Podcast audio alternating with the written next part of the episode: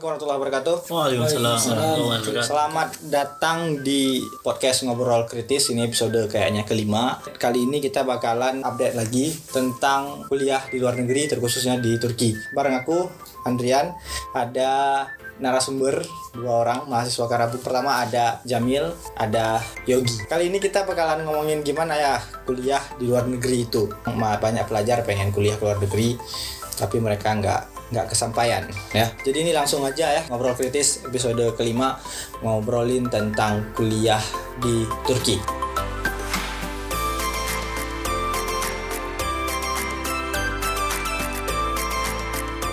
Kali ini ini dua orang ini narasumbernya random nemu di jalan ya. Nemu di jalan alhamdulillah mereka mau bersedia. Tapi mereka bukan narasumber abal-abal juga mereka punya pengalaman seru yang bakalan diceritain. Pertama kita perlu tahu dulu ya kawan-kawan gimana apa sih kalau kita ngomongin ke luar negeri ya hmm. kalian tahu banyak orang di Indonesia itu pengen kuliah ke luar negeri terutama ke Turki. Tapi nggak semua orang kadang seberuntung kita. Nah menurut kalian nih kan ya dari ini perspektif kalian masing-masing kalau Jamil sendiri itu ya kenapa sih maksudnya terpikir kuliah ke luar negeri gitu kenapa?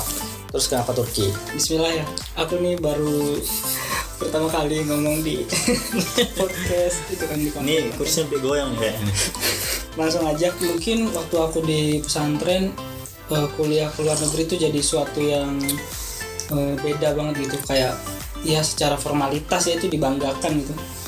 Walaupun bukan sama negara seenggaknya sama keluarga gitu kan. Sama keluarga ya. Ya jadi uh, waktu itu ngelihat kakak kelas senior semuanya pada berangkat gitu jadi kayak termotivasi gitu. Cara nggak langsung aja sih sebenarnya. Kenapa di luar negeri? Karena uh, ya itu tadi.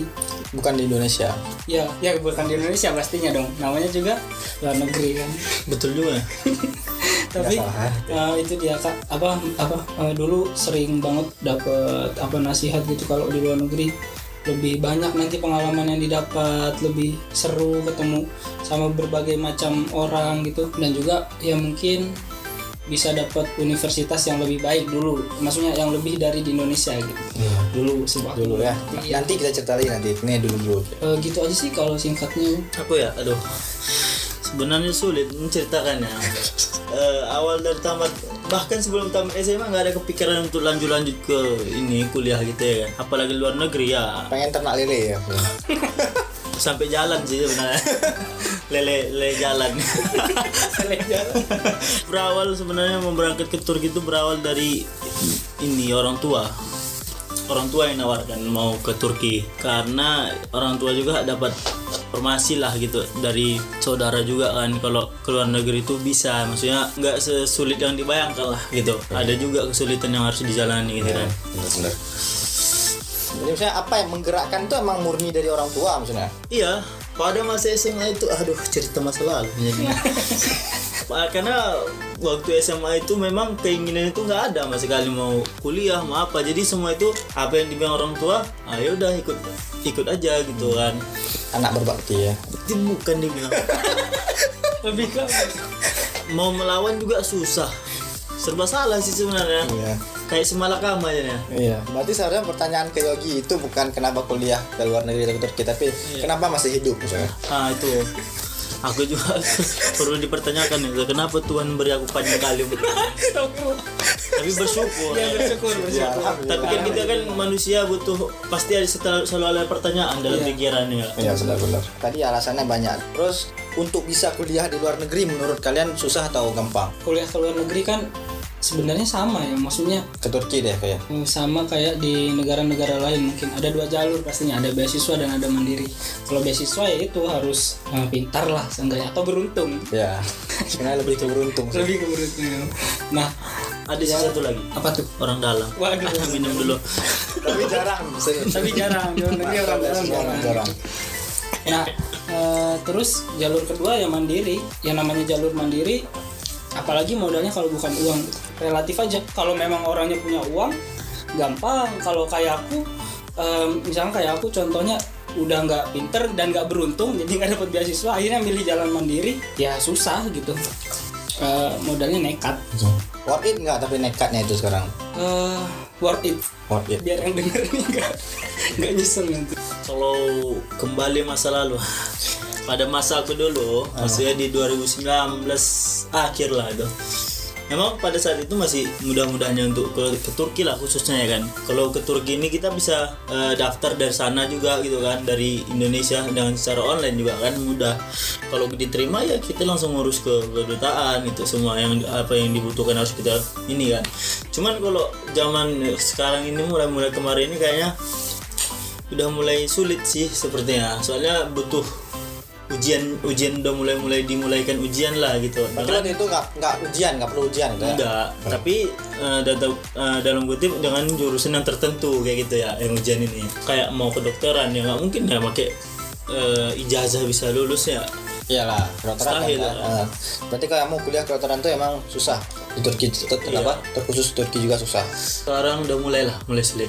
Oke lah, mulai sulit. Mendekati gitu, mulai mulai mulai. Mulai sulit. Tapi bukan yang nggak mungkin ya, misalnya Iya. peluang besar ya. Ya, nggak ada nggak ada yang nggak mungkin di dunia ini. Iya. Angin aja bisa terbang tanpa sayap sayapnya. Dan terlihat lagi. Kenapa anda? Loh, ada ya. yang lama pelajar terutama pelajar itu kan pasti kadang pernah dengar eh, kalau udah keluar negeri itu oh biasanya tuh orang kaya semua katakan orang kaya ataupun enggak, enggak. eh, keluar negeri berarti dia anaknya hebat dia orang elit ataupun dia emang pinter dan sebagainya Enggak. maksudnya kan ketika kalian sampai kuliah ketika kuliah di, di Turki ya itu stigma apa gitu yang kalian dapat dari lingkungan kalian misalnya gitu San, oh yaudah sekarang aku duluan. Ah, iya, Silakan aku duluan. Kenapa silakan aku? Jadi ya kan stigma-stigma Turki itu kalau yang ku ingat-ingat sampai sekarang ini awalnya tuh aku nggak terlalu tahu negara Turki tuh. Kalau dibanding karena jauh soalnya. Yang aku tahu waktu aku belajar SMA itu bagian-bagian ASEAN aja gitu kan. Kalau untuk, untuk bagian ke Eropa apa nggak terlalu tahu tentang untuk pelajaran untuk belajar lah terutamanya dan stigma yang aku tahu ini nggak ada lah aku dapat dapat stigma. Kalau aku bilang aku ke sini tuh dengan keadaan tanpa ada tanpa ada bisikan oh di sana kayak gini apa kayak nggak ada. Memang har- memang polos murni seperti kertas putih itulah itulah kira-kira. Tiba-tiba itu udah sampai sini gitu ya, ya. jadi setelah udah di Turki baru ada yang cerita ini seperti itu terus ini itu naik apa misalnya Naik pesawat, Bang. oh, Kalau dari aku sendiri ya bang, lagi-lagi kebagi jadi dua ya. Pertama stigma dari lingkungan keluarga dan pesantren. Eh, misalkan sikatnya aja di keluarga aku mungkin masih sedikit gitu orang-orang yang apa keluarga yang kuliah gitu bang. Ya bisa dihitung lah sepupu-sepupu saudara tuh berapa kuliah sampai S1 S2. Nah, eh, jadinya apalagi aku eh, pertama kali di, di keluarga mungkin yang kuliahnya ke luar negeri gitu. Dan dari pesantren apalagi gitu karena memang eh, guruku sendiri yang menyarankan buat kuliah di luar negeri, motivasi buat kuliah di luar negeri. Jadi itu kayak ya stigma mereka ini banget wow banget gitu kuliah di Turki gitu. Apalagi aku angkatan pertama dari pesantren yang bisa tembus nih ke Turki gitu. Se ini ya apa dalam tanda kutip. Ya itu tapi ternyata ketika sampai sini gimana maksudnya sampai sini ya sebenarnya nggak istimewa-istimewa banget ya. Setelah aku tahu kalau semua orang bisa gitu sekarang. Nggak harus punya jadi berarti kalau stigma orang itu orang-orang terpilih doang itu itu nggak benar gitu ya ya? benar sih kalau orang terpilih dong semua orang punya potensi yang sama ya? Setelah kalian tiba kita tahu ya cewek-cewek Turki itu cantik-cantik. Saya perhatikan anda tuh. Kok jangan memerhatikan aduh. Nanti ini dikat ya bagian bagian awal kita lihat itu karena kita jarang nggak belum terbiasa lah kita bilang mata kita ya kan cuma lihat seperti itu. Hidung mancung kulit putih. Ngebayangin dia ngebayangin. Jangan halu pertama-tama oke lah gitu ya bagus cantik. Tapi semakin lama anda melihat semakin berkurang kecantikannya seperti itu Aduh. ya enggak? Berarti itu bukan uh, kuroto ayun ya? Iya. berarti tidak mel, apa ya menenangkan jiwa juga enggak selamanya juga ya. enggak bisa. Memang karena gini cantik itu relatif jelek itu pasti. mutlak Oke, kita ngomongin ini sekarang nih banyak. Karena apa ya? Aku bisa dengar juga orang-orang pengen kuliah ke Turki karena eh ganteng-ganteng di sana cowok Turki, cewek Turki cantik-cantik. Jadi pengen lah ke sini. Kalau kalian sendiri ada nggak di sana kalian mencari kekasih orang Turki? Kalian lah. Cewek pastinya jangan cowok terus. oh ya pasti kalau pasti cewek maksudku Oh, pasti cewek aku kira pasti orang Turki enggak Jamil gimana kalau? Eh, kalau aku mungkin gini, kalau teman-teman di Indonesia mungkin eh, pertanyaannya gini ya, kalau nanya teman kelas tuh, eh, teman di, di kelas kamu ada yang cantik nggak gitu? Kalau di Turki ini dibalik, di kelas kamu ada yang jelek nggak? Nah gitu. Eh, tapi kalau aku karena ya itu tadi kata bang Yogi benar, apa memang benar cantik-cantik ya secara apa? fakta sosialnya Secara fakta sosial standar standar kecantikan sekarang oke Ya standar kecantikan sekarang mereka cantik-cantik gitu. Tapi ya lama kelamaan jadi terbiasa gitu lihat orang cantik.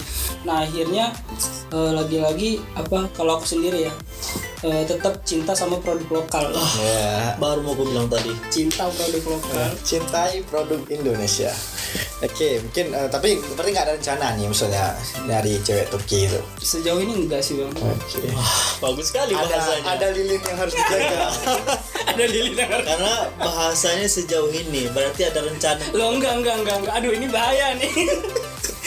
enggak enggak enggak. karena kita kan tahu ke depannya Iya benar. Pikir, iya kan kadang kan jiwa itu mau bertukar kadang hari ini oke besok belum tentu oke Waduh gitu. ini bahaya nih kalau doa misalnya Allah aja mau apa membolak balikan hati iya ya kan? kalau tapi kalau aku khusus masih belum masih belum. Berarti akan kan juga kalau masih belum. kan kuliah kuliahnya masih lama juga Oh iya masih lama. tapi kalau dibilang sih ya cewek-cewek bukan cewek sih bukan cewek aja sih. Orang-orang Turki, Turki ini memang fashionnya bagus-bagus kalau gue bilang. Fashionable. iya itu cowok cewek misalnya? Iya dua-duanya Eh, jadi ya. karena selama ini belum pernah aku nengok bencong. Nah, belum pernah aku pernah. Belum aku pernah tapi jarang emang. Kalian sendiri misalnya setelah selama ini udah lama berapa tahun lah kalian ya? Berapa tahun sih? Udah di sini? Aku tahun dua tahun lah. Sama-sama kita datangnya. iya dua tahun. Kau tahun kedua ya? Aku dua tahun kayaknya. Ya gitulah. Ya dua tahun lah. pertama rasanya tinggal di Turki itu gimana misalnya Tinggal di Turki itu nyaman. Jamil? Nyaman nyaman tinggal di Turki tuh sebenarnya. nyaman itu gimana misalnya apakah karena birokrasinya gampang atau Secara ini, secara sosial sih aku eh, nggak ada masalah ya. Maksudnya perbedaan kultur itu sekarang jadi sesuatu yang bisa aku terima gitu ya bang. Eh, tapi kalau secara general itu oke aku oke oke aja gitu di luar misalkan eh, apa kegiatan apa namanya hal yang berkaitan dengan administrasi misalkan karena kita ya apa namanya Orang orang, asing. asing, ya je- jelas itu sulit kalau makanan ya kalau makanan tetap oke tetap Indonesia. Indonesia ya. lagi-lagi cinta produk lokal Oh, ya Pasti sih. Kalau Yogi gimana Yogi? Apa nih bang? babi haram tak makan nggak? Wah pasti dong, nggak makan mati lah aku Nyaman dan suasana di sini bersih lagi kan gitu kan. Udaranya aja bersih gitu kan. Aduh merasa sejuk aja. Cuman cuaca terkadang yang bikin Iya. bersulit ini. Itu emang sulit ya cuaca kita. Mm-mm. kenapa aja dingin dingin gini ya? Mm-mm. ya lupa juga tadi ya Yogi jurusan dia eh, apa teknik apa? Metalurgi and material. Ah, jadi ntar dia bisa di toko material.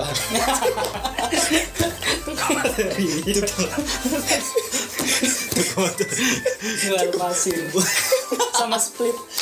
Apa jauh-jauh kuliah kalau Jamil tadi. Dia jurusan eh, apa hubungan internasional. Iya hubungan internasional. Ya. Terus ini yang apa? Ini yang banyak orang apa ya menentukan ya misalnya ketika kita udah ke Turki itu orang-orang pertimbangannya kalau dari kalian itu misalnya apa gitu yang udah kalian dapatkan selama dua tahun tinggal di sini itu yang paling berkesan? Paling berkesan itu ya terutama cara belajar bahasanya memang harus harus dipaksa betul ya. Pakai bahasa Inggris terkadang dia nggak menyarankan. Bukan maksudnya nggak bukan nggak menyarankan. Dia yang terkadang melarang untuk menggunakan bahasa Inggris supaya kita cepat bahasanya gitu memahami memahami. jadi kalau Jamil? Kalau aku ini cara bertahan hidup. Waduh itu paling apa ya? Paling jadi sesuatu yang nggak bakalan aku lupa deh sampai aku mungkin nafas terakhir nanti gitu. Karena emang bener-bener eh, anak perantauan gitu sekalinya merantau langsung ke luar negeri gitu. Yang sama kita ya sekalinya merantau langsung ke tempat yang paling jauh yang paling asing gitu.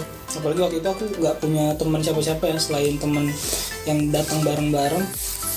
Jadi itu apa ya jadi sesuatu yang berkesan banget apalagi waktu itu baru datang berapa bulan langsung pandemi. Perjuangannya kerasa banget bang apa keluarga di Indonesia kena dampak juga? Kita yang di Turki nggak bisa ke mana-mana. Gimana contohnya? Kayak bertahan hidupnya gimana buat maksudnya di sini? Ya apakah? Yang paling ini aja deh yang paling apa? Mendasar. Yang mendasar keuangan lah. Karena aku juga ya itu tadi bukan apa? Orang berada lah. ya orang berada bukan yang dapat beasiswa bukan gitu. Ya itu tadi misalkan orang tua lagi nggak bisa ngirim masih terdampak sama covid waktu itu. Jadi kita harus cari bantuan nih bang. Eh, sempet apa meminta bantuan ke lembaga sosial yang ada di Turki. Dapat bantuan dari apa eh, ya itu KJRI misalkan atau KBRI Tapi emang orang Turki itu apa dermawan mereka orang Turki der- dermawan alhamdulillahnya itu. Ya, itu paling berkesan bertahan hidup. Jadi eh, menurut kalian yang paling unik gitu loh, yang itu Turki banget gitu loh misalnya. Ih ini ini tuh Turki banget. Bukan di Turki itu misalnya. Turki banget gimana ya bilangnya? Ciri makanannya khasnya. makanannya. Makanannya kenapa misalnya beda emang. yang pasti ya terutama beda. Cuman cara pengolahan mereka juga beda gitu. Nggak macam kita kan kita terlalu banyak minyak gitu. Di sini tuh memang minyak memang mereka gunakan. Cuman nggak nggak terlalu banyak gitu bahkan yang kita lihat nenek-nenek aja yang pakai tanpa tongkat masih bisa jalan gitu loh Berarti mereka misalnya sehat, bukan? sehat Sehat itu sehat ya. gitu dia dari ma- dari pola makanan gitu kan Ya, makanya emang sehat nggak banyak MSG kayak kita ya. MSG. Kalau dari ini apa budaya gimana? Kok Jamil misalnya? kalau budaya ini aku Sosial suka gimana? aku suka mereka ini sangat mudah mendoakan misalkan dikit-dikit mereka mendoakan kita mau makan dibilang afiat olsun semoga sehat Eh, yang masak dibilang eler ini saleh semoga tangannya sehat gitu kenapa tangannya doang ya waktu Hmm. itu saya aku mikir oh ya kan tangan yang masak bukan kaki nah eh, mereka eh, nasionalis bang. Itu sih aku juga yang suka dari mereka. Mereka nasionalis walaupun misalkan berbeda-beda partai ada yang suka sama Hmm, ya yang dulu ada yang suka sama yang sekarang. Tapi ketika dibilang di bawah bendera Turki mereka berdiri bersatu gitu di sana. Kalau di negara kita kan Gol- golongan lah kelompok ya. golongannya. mm, Berarti itu ya soal nasionalis. Mungkin Ujir tambahan kayak kayak gaya hidup atau gimana gitu. gaya hidup gaya hidupnya gimana ya maksudnya kamu bilang ini? Kayak orang-orang kaya semua gitu. Tapi pernah nggak? ya. Standar ya yang kita tahu mereka nyewa juga kan. Ah. nyewa apartemen juga yang kita tahu kan. Tapi walaupun nggak semuanya cuman memang kalau dilihat dari gaya yang aku bilang tadi memang fashionable itu. Apa sih? Fashionable. ah fashionable gitu. Jadi kalau uh, kalau kita kebiasaan-kebiasaan mereka misalnya kayak di kampus di kuliah kan udah kuliah kan ya. maksudnya apa yang menjadikan beda kayak kuliah di Turki itu gimana gitu kalau di Indo tuh kan misalnya Oh gini, kalau di Indo itu kan kita masuk jam sekian, kita memang mencari mat pelajaran itu kita memang harus cari sendiri kita bilang. Memang benar-benar kita mahasiswa gitu. Dosen hanya menjelaskan, contoh kasih makalah contohnya. Dan yang mencari itu kita gitu kan. Kalau di sini ada nggak ada makalah gitu. Sebagian ini apa namanya mata kuliah. Kalau jadi seolah-olah kita macam masih belajar kayak di SMA gitu. Hmm, cuman hanya terhambat bahasa sih sebenarnya bahasa gitu. ya susah bahasa mereka Ya bahkan bukan susah lagi mereka sendiri juga bilang susah gitu kan. Iya. walaupun al- atau kita apalagi kita orang asing gitu ya kan. Ya berarti ya ini sekedar info aja Yogi dia bahasa Inggris kuliahnya Jamil bahasa Turki ya? Ya Nah, tapi mereka mesti bilang "Emang susah, bang. Memang benar susah bahasa Turki ya. Tapi misalnya apakah kesannya itu kok kuliah di sini tuh dosen itu dominan banyak diskusinya sama mahasiswa atau memang kayak hampir satu arah doang gitu dari dosen kalian dengar dosen kalian dengar. aku ya Hmm, udah kalau jadi. aku sendiri eh, dosen-dosen beda-beda tapi dominan mereka eh, memberi materi gitu seakan-akan gini kan ya, di S1 ini cuma disuapin terus gitu sama materi materi materi nah mungkin baru nanti setelah S2 atau eh, S3 aku juga nggak tahu ya itu baru mungkin kita lebih banyak ke membuat karya gitu-gitu ya bang dan ya cuma beberapa dosen sih yang apa kayak dialognya aktif gitu. Minta pendapat dari mahasiswanya. Tugas-tugas pun jarang gitu. Tugas-tugas penjaraan dari- kan. Apakah misalnya kayak tugas kelompok, presentasi gitu ada? ada. Kalau tugas kayak gitu ada. Berkelompok gitu. Pesan dari kalian nih untuk yang mau kuliah ke Turki, yang pengen kuliah ke Turki apa itu? Saran dari kalian? semangat lah. Semangat. Kaku banget.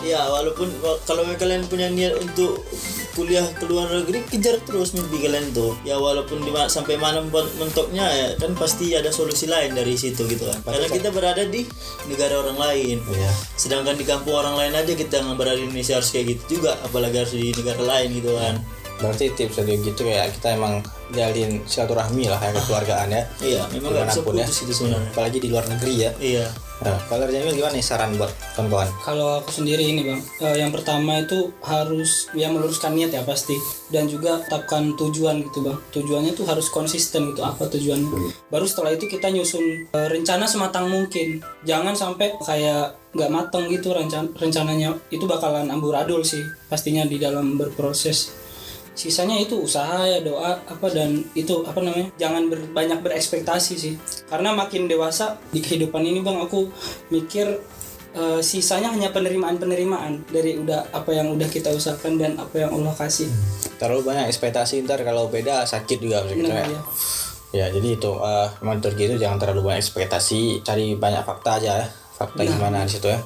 Tanya tanya juga. Itu aja dari ngobrol kritis untuk episode kali ini. Teman-teman yang masih punya pertanyaan seputar eh, obrolan-obrolan kita kuliah di Turki, boleh langsung tanya ke Instagram ngobrol kritis ataupun melalui Anchor ataupun melalui email. Terima kasih sudah mau mendengarkan dan mohon maaf kalau ada kesalahan kata dari kami.